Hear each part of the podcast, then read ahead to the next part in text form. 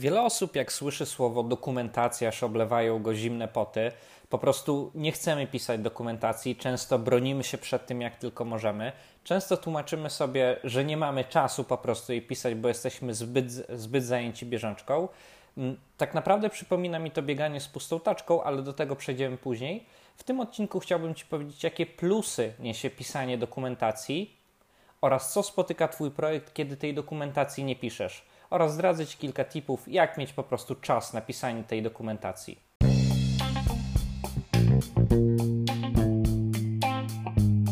Cześć, ja nazywam się Karol Wójciszko i witam Cię w podcaście Według Planu, w którym mówię o IT. Głównie skupiam się na dokumentacjach, wycenach projektów, zarządzaniu zespołem i projektami. Podcast od praktyka dla praktyków. Zapraszam.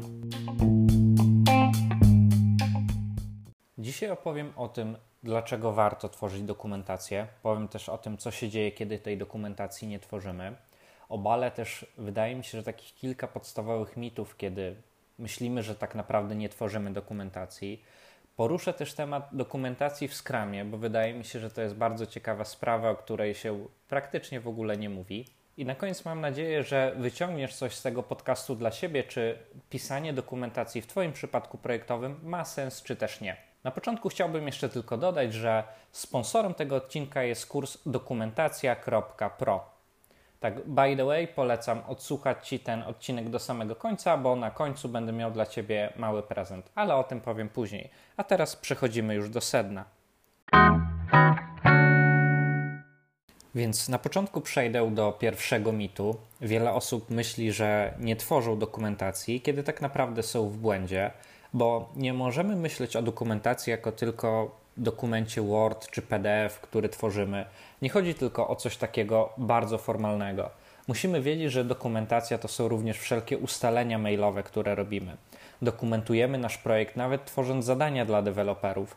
To są też jakieś fragmenty dokumentacji, które są rozsiane więc w praktyce, kiedy mówimy, że nie tworzymy dokumentacji, zazwyczaj tworzymy tą dokumentację, tylko że niejawnie, w sposób bardzo nieformalny, rozbijając ją właśnie na różne ustalenia i nasze przemyślenia.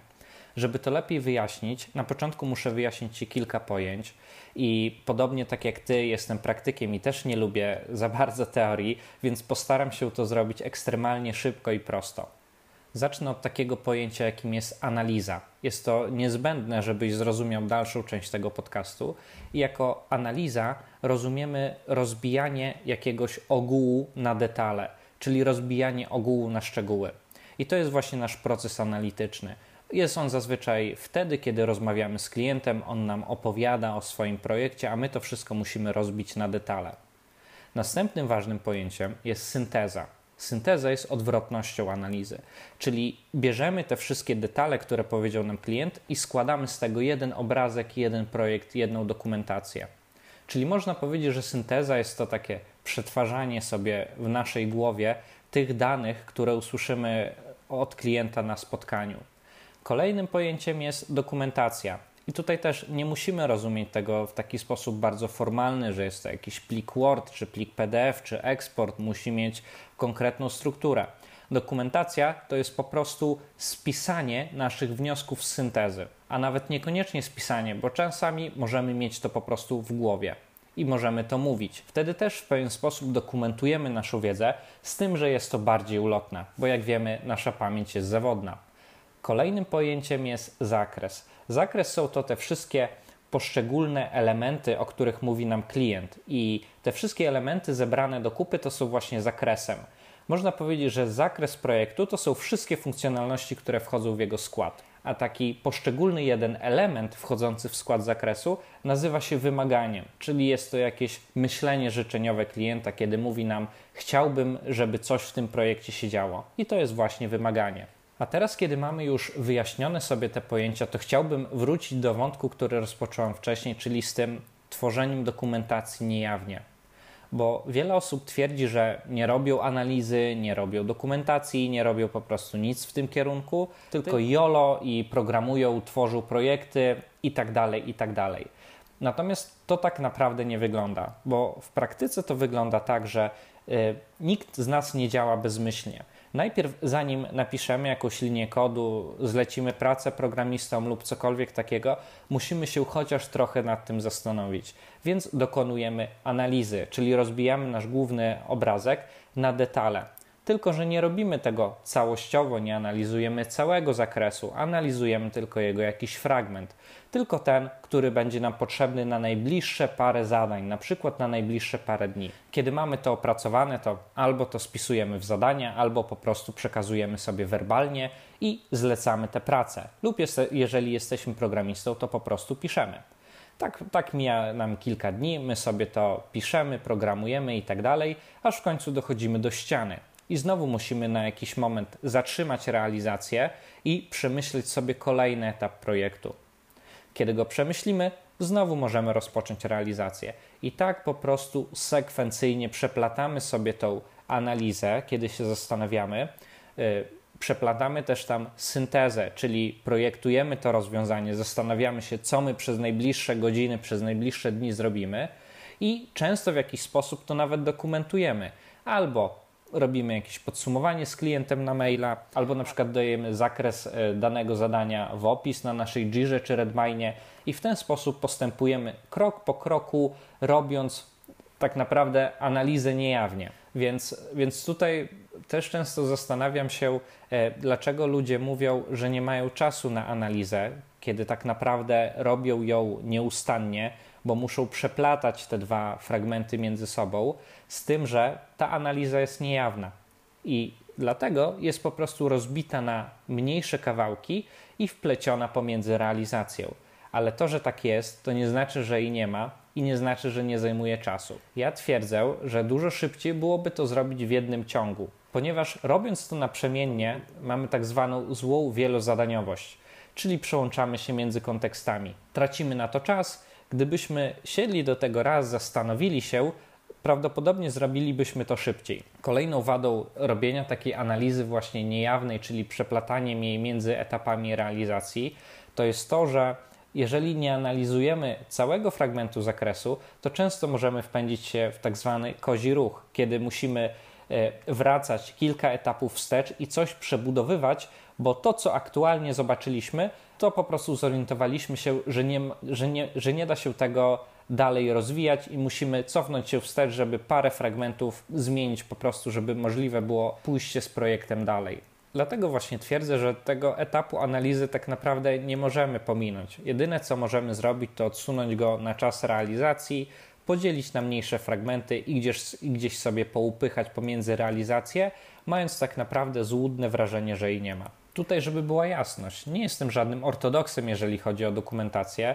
Sam często postępuję właśnie w ten sposób, robiąc to niejawnie, z tym, że grunt to zdawać sobie sprawę, że taka sytuacja ma miejsce, że to działa właśnie tak i powinieneś wiedzieć, kiedy zdecydować się na pisanie tej dokumentacji, na tą analizę i syntezę właśnie w jednym bloku przed rozpoczęciem projektu, czyli tak zwany waterfall, albo kiedy robić to sekwencyjnie pomiędzy pomiędzy po prostu realizacją. Kolejną rzeczą, którą chciałbym poruszyć, to jest tworzenie dokumentacji w Scrumie. Przyjęło się, że w Scrumie w ogóle nie tworzy się dokumentacji. Przez dłuższy czas zastanawiałem się, skąd to się w ogóle wzięło, więc zacząłem rozmawiać z moimi znajomymi, którzy są kierownikami projektów i prowadzą właśnie projekty w Scrumie. I, i oczywiście główny powód był taki, że nie ma czasu ja, ja tak naprawdę się z tym nie zgadzam, bo często to jest nasza wymówka, kiedy nie wiemy, jak coś zrobić po prostu szybko, przy dobrej jakości, nie widzimy z tego korzyści, ale są też oczywiście przypadki, kiedy naprawdę nie mamy czasu. To też rozumiem, bo tak jak mówiłem wcześniej, nie jestem jakimś ortodoksem dokumentacji, ja po prostu widzę jej plusy i zalety ze stosowania, dlatego jestem jej zwolennikiem zwolennikiem generalnie planowania przed rozpoczęciem działania. I kolejnym takim argumentem, który podawali mi ci kierownicy projektu, to było to, że twierdzili, że w manifestie jest napisane to, że w skramie się nie tworzy dokumentacji. To konkretne zdanie, o które im chodziło, to Working Software over Comprehensive Documentation.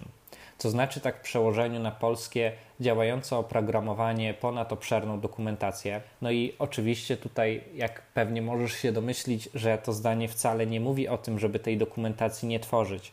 Po prostu mówi o kwestii priorytetów. że lepiej mieć działające oprogramowanie bez dokumentacji niż dokumentację bez działającego oprogramowania. Ale nie wyklucza się jedno z drugim, żeby mieć działające oprogramowanie przyzwoitej jakości i jednocześnie dokumentację, które to wszystko po prostu spina. Jak zacząłem ten właśnie drążyć temat, że to tak naprawdę w manifestie to to nie chodzi właściwie o to, żeby tej dokumentacji nie tworzyć, tylko o ustalenie priorytetów, bo nikt nie twierdzi, że dokumentacja w Scrum jest nieprzydatna. Uważam, że jest przydatna w każdym typie projektów, w każdej nawet metodologii, która po prostu rozwija jakiś software, bo z czasem różnego rodzaju wiedza plemienna, która powstaje podczas tworzenia tego projektu, nam umyka. Ale o wiedzy plemiennej powiem jeszcze za chwilkę. I tak na marginesie zaczęliśmy się zastanawiać, zrobiliśmy taką małą burzę mózgów, co by trzeba było zrobić, żeby tą dokumentację tworzyć podczas Scrumu. I tutaj przyszło nam do głowy kilka takich pomysłów, y, między innymi taki, że to product owner przygotuje opisy przed planowaniem sprintu, czyli gdzieś tam sobie może bardziej układa to w głowie przed samym planowaniem sprintu, niż dopiero na planowaniu zastanawia się, jak dany feature ma wyglądać warto jest tutaj, żeby product owner właśnie miał ten, miał ten taki e, główny obraz projektu w swojej głowie, pomimo, pomimo tego, że właśnie Scrum e, nastawia się na to, że działamy wszystko iteracyjnie i sobie określamy, ale według mnie taka główna koncepcja już powinna być. I po kilku sprintach znamy już tę dynamikę zespołu, więc product owner może się nawet przygotować do takiego planowania sprintu i mieć po prostu poszczególne opisy potworzone, a na planowaniu sprintu po prostu wybierzecie, które z tych zadań będziemy realizować, ile się zdąży i jakie są ich priorytety. Kolejną sytuacją, kiedy możemy tworzyć dokumentację, to wywać te opisy zadań. Czyli dostajemy zadanie, wydzielamy sobie jakiś y, czas podczas skrama, y, podczas naszego sprintu, kiedy te opisy są tworzone i wtedy właśnie programiści przygotowują te opisy. Tutaj, żeby była jasność, nie mam na myśli czegoś takiego jak e, obszerna dokumentacja w Wordzie lub w PDF-ie. Mam tutaj na myśli bardziej, mm, bardziej rozwinięte opisy zadań, bo to też często jest problemem, że te opisy zadań są lakoniczne albo ich nie ma wcale, więc taki programista mógłby się na tym bardziej pochylić, zaprojektować kilka diagramów. Nie jest to tylko sztuka dla sztuki, bo takie pisanie E, opisu, ta właśnie analiza i, i ta później synteza ma bardzo wiele plusów, jeżeli chodzi o projektowanie, o całą architekturę software'u, bo jest ona bardziej przemyślana. Też tworząc tą dokumentację i zastanawiając się nad tym, jak ten feature, jak to zadanie będzie wyglądało finalnie, to musimy zastanowić się też nad przypadkami brzegowymi, nad różnymi warunkami, nad różnymi wyjątkami, Y, musimy zastanowić się nad integracją z innymi elementami systemu, bo trzeba to po prostu opisać. I wtedy, wtedy, jeżeli programista zastanowi się nad tym wcześniej, to może nie zapędzać się w ten kozi ruch, o którym mówiłem wcześniej, że tą analizę się pomija i YOLO programuje się, bo po prostu to będzie bardziej przemyślane, przewidzimy więcej przypadków, nie zakopiemy się, jest po prostu duża mniejsza, dużo mniejsza szansa, że takie zadanie będzie opóźnione. Ale sobie też zdaję sprawę, że nie zawsze product owner i programiści są takimi osobami, które po prostu mogą te opisy przygotowywać. Więc tutaj jest jeszcze takie trzecie rozwiązanie, kiedy to analityk lub kierownik projektów przygotowuje po prostu te opisy. No, z tym, że to już jest e, troszkę wyższa szkoła jazdy, bo zdaję sobie sprawę, że nie każdej firmie jest analityk ale też możesz traktować tego analityka nie jako stanowisko konkretne, że osoba jest zatrudniona na, na, na stanowisko analityka, tylko jako rolę projektową. Czyli ktoś z zespołu po prostu e, zna dobrze UML-a, projektuje dobrze diagramy, dobrze pisze, więc może zostać takim waszym przysłowiowym analitykiem. Tak więc, jak widzisz, e, dokument, tworzenie dokumentacji w Scrumie nie jest łatwe, ale się da i powodem na pewno nie jest to, że nie ma czasu. Wydaje mi się, że po prostu nie wiemy, jak to robić. E, też często, tak jak wcześniej mówiłem, że jak e, słyszymy tą dokumentację, to przechodzą nas ściary po plecach. E, ja pracowałem z kilkoma klientami, którzy mówią, że nienawidzą, wręcz użyli tego słowa, że właśnie nienawidzą czytać dokumentacji, tworzyć ich, mają awersję na tym punkcie, a tak naprawdę zupełnie niepotrzebnie, bo w większości typów projektów to dokumentację można tworzyć, oczywiście na wymiernym poziomie e, czasowym zaangażowaniu co do jakości tej dokumentacji, bo też uważam, że nie ma co do takich bardzo prostych projektów pisać dokumentację e, więcej czasu niż trwa ta po prostu realizacja, bo projekt, bo projekt jest stosunkowo łatwy. Trzeba to wszystko wyważyć. Tutaj takim kolejnym podpunktem w mojej mapie myśli mam, że redukujesz ilość błędów w projekcie, no bo tak naprawdę pisanie tej dokumentacji i ta synteza i analiza to jest tak naprawdę planowanie, a przez to przewidujesz wszystkie przypadki, które mogą wystąpić i tym samym zwiększasz terminowość. Ale nie chcę się powtarzać, bo o tym już powiedziałem, więc może przejdę do kolejnego punktu, czyli do wiedzy plemiennej. Na początku chciałem powiedzieć, że e, wiedza plemienna to nie jest mój termin.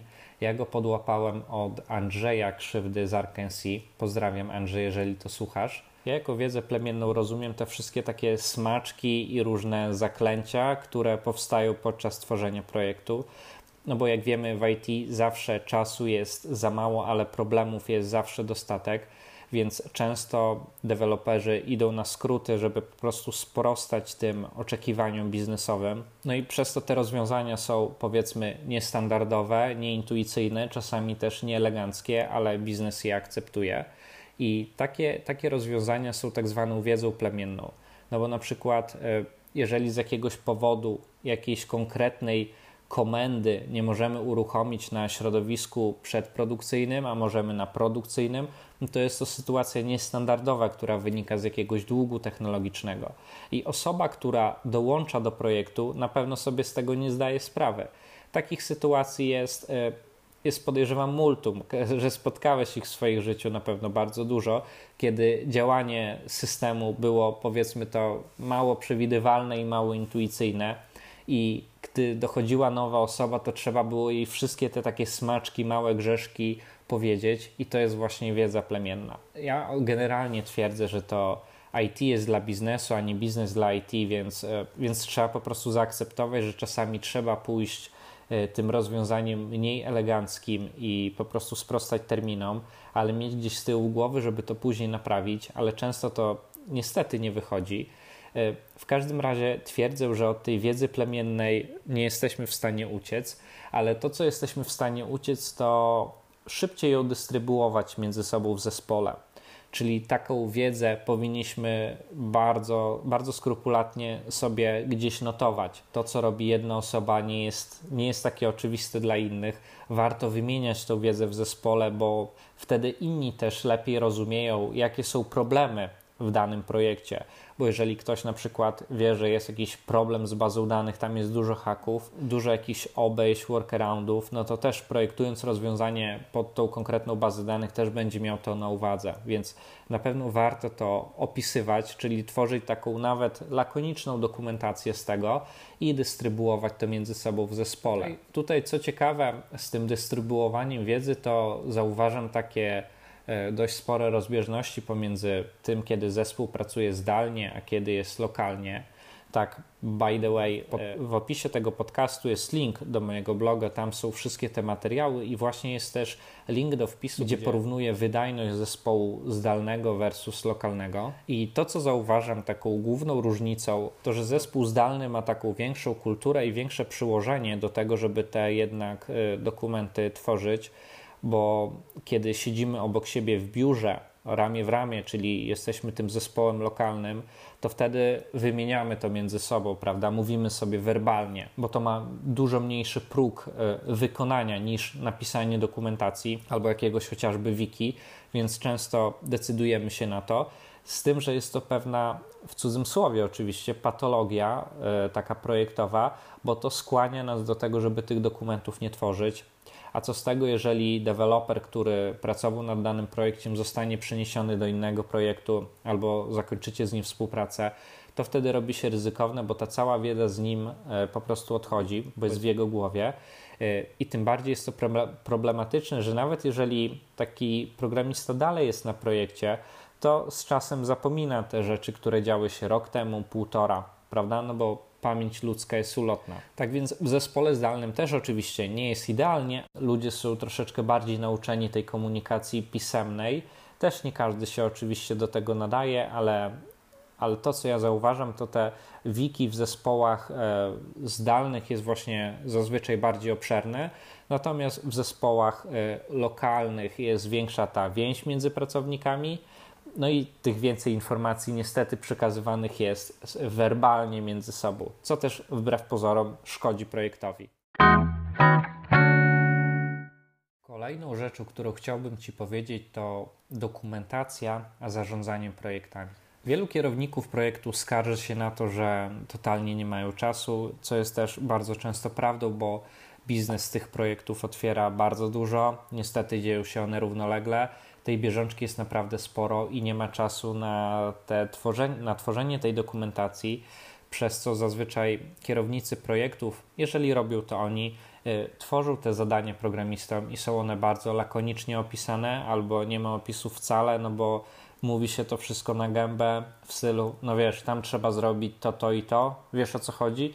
Tak wiem i tak, tak następuje zlecenie zadań, co jest z wielu względów wygodne, ale też y, bardzo niekorzystne na dłuższą metę. Jest to takie podejście bardzo krótkowzroczne, a tak naprawdę, kiedy utworzymy dokumentację i zrobimy ją dobrze, oczywiście, to tak naprawdę taka dokumentacja jest już y, gotowymi zadaniami dla programistów bo jeżeli dobrze zrobimy ten spis treści, dobrze zrobimy tą strukturę dokumentu i opiszemy w bardzo taki logiczny, rozsądny sposób nasze akapity, to później możemy, no nie wiem, w sposób praktycznie automatyczny stworzyć z tej dokumentacji właśnie zadania. Możemy je zaimportować do Twojej Jiry, do Redmina, czego tam sobie używasz i od razu dać te opisy zadań programistom, które są po prostu dobrze napisane, no bo jak tworzymy dokumentację, to też musimy stawiać nacisk, żeby była ona w dobrej jakości, żeby była kompleksowa, na tyle szczegółowa, na ile to możliwe. A to na pewno wiąże się z tym, że ta terminowość zadań jest większa, no bo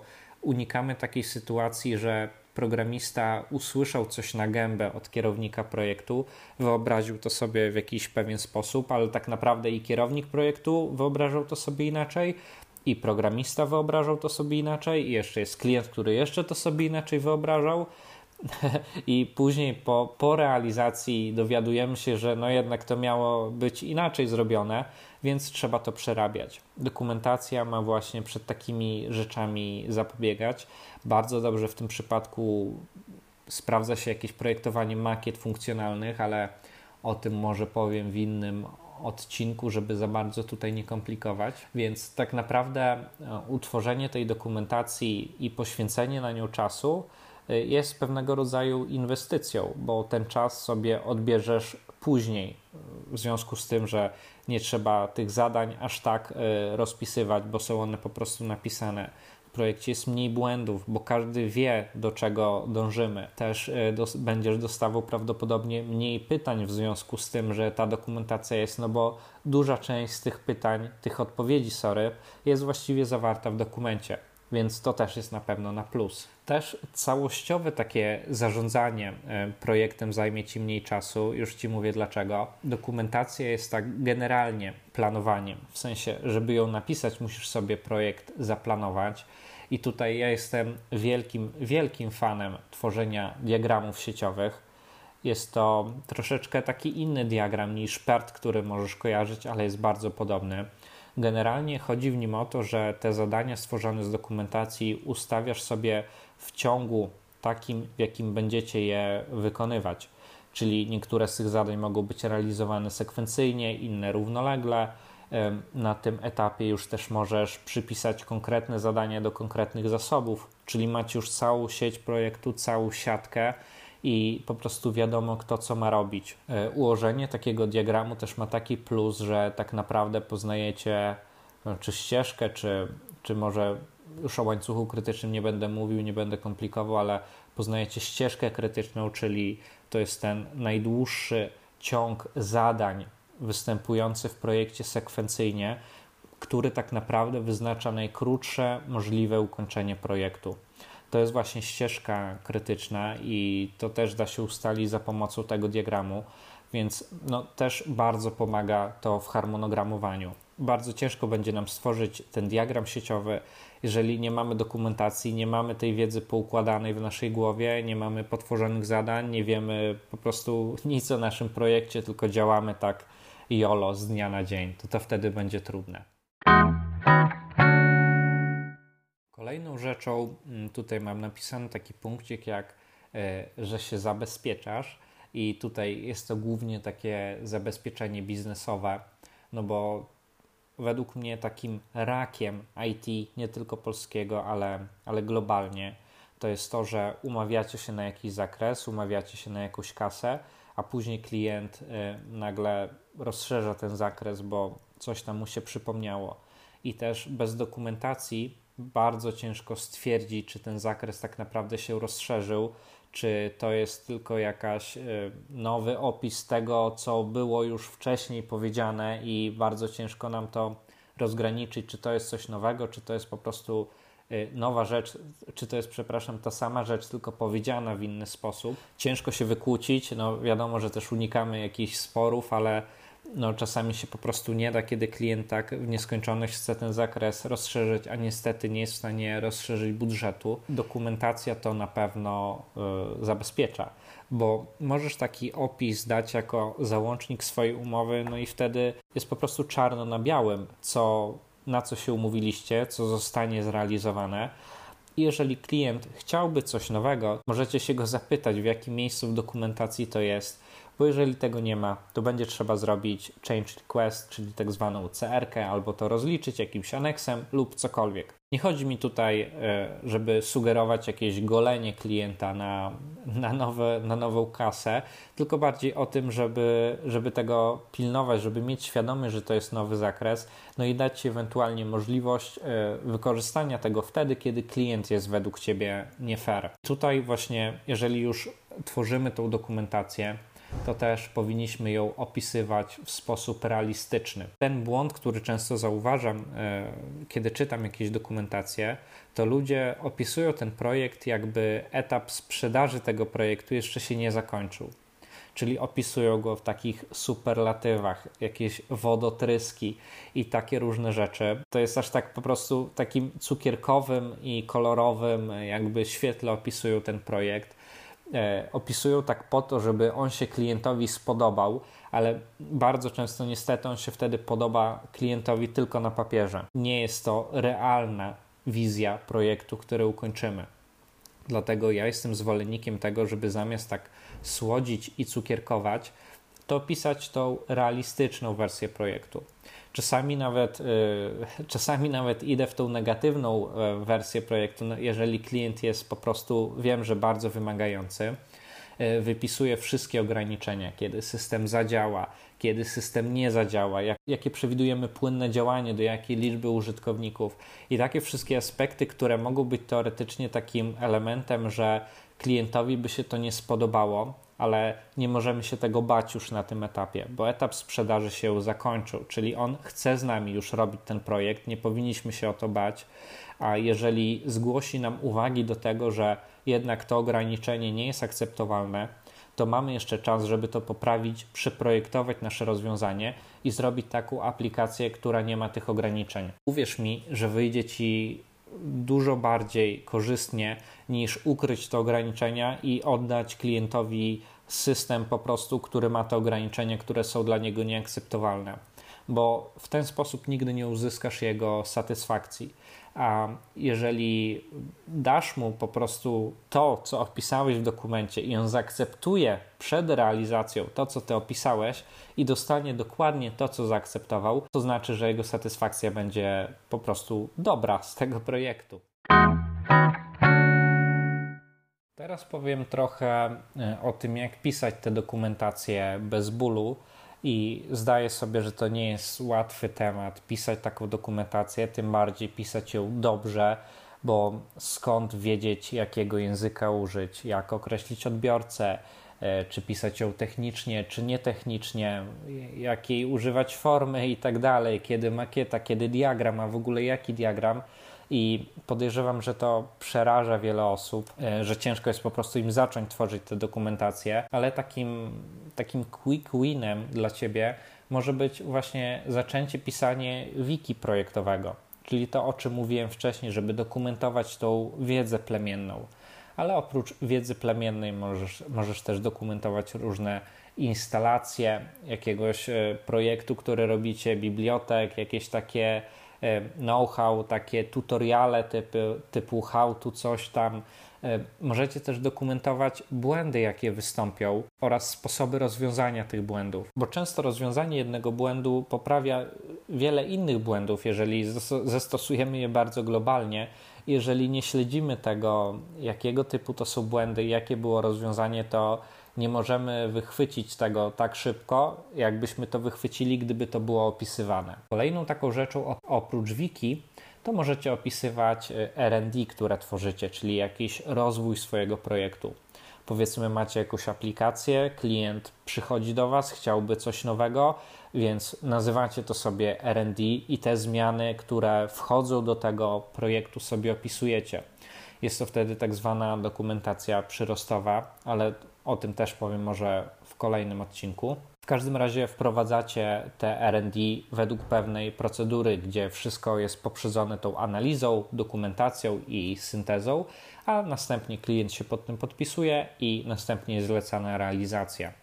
Tutaj, jeżeli interesuje Cię ten proces RD, jak, jak wygląda, to ja na swoim blogu właśnie opisywałem, jak powinien wyglądać taki przykładowy proces RD, więc odsyłam Cię do linków z tego odcinka. I myślę właśnie, że to będzie takim e, szybkim zwycięstwem dla Ciebie, jak pisać te dokumentacje e, szybko, jak zacząć pisać te dokumentacje szybko. I uwierz mi, że każda kolejne te wdrożenie, każdy kolejny wpis na wiki, każda kolejna analiza do Twojego RD będzie po prostu coraz lepszej jakości, będzie Ci to szło coraz lepiej. I sam na własnej skórze zauważysz, ile to niesie pozytywu dla Twojego zespołu, dla programistów, dla testerów i dla klienta. Uwierz mi.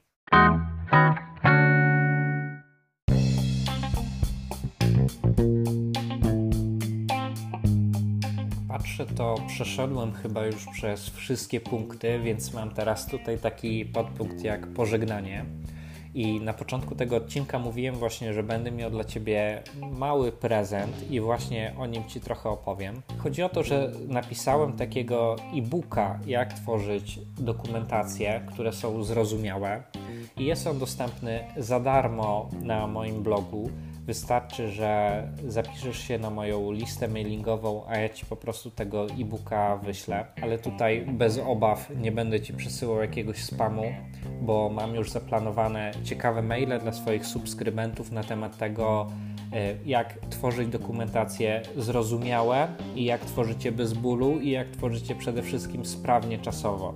Czyli taki szereg wskazówek, które po prostu przydadzą Ci się w codziennej pracy, więc warto. Jeszcze raz powtórzę, link do zapisu jest, jest pod spodem tego odcinka na moim blogu. Na pewno to znajdziesz. Tutaj, jeżeli chciałbyś więcej informacji z zakresu pisania dokumentacji, to odsyłam Cię na stronę mojego kursu, jak tworzyć zrozumiałe dokumentacje, dokumentacja.pro więc zapraszam. W zależności od tego, kiedy oglądasz ten, kiedy słuchasz tego odcinka, to być może trwa aktualnie nabór do kursu, więc zapraszam serdecznie, jeżeli e, temat dokumentacji jest Ci bliski.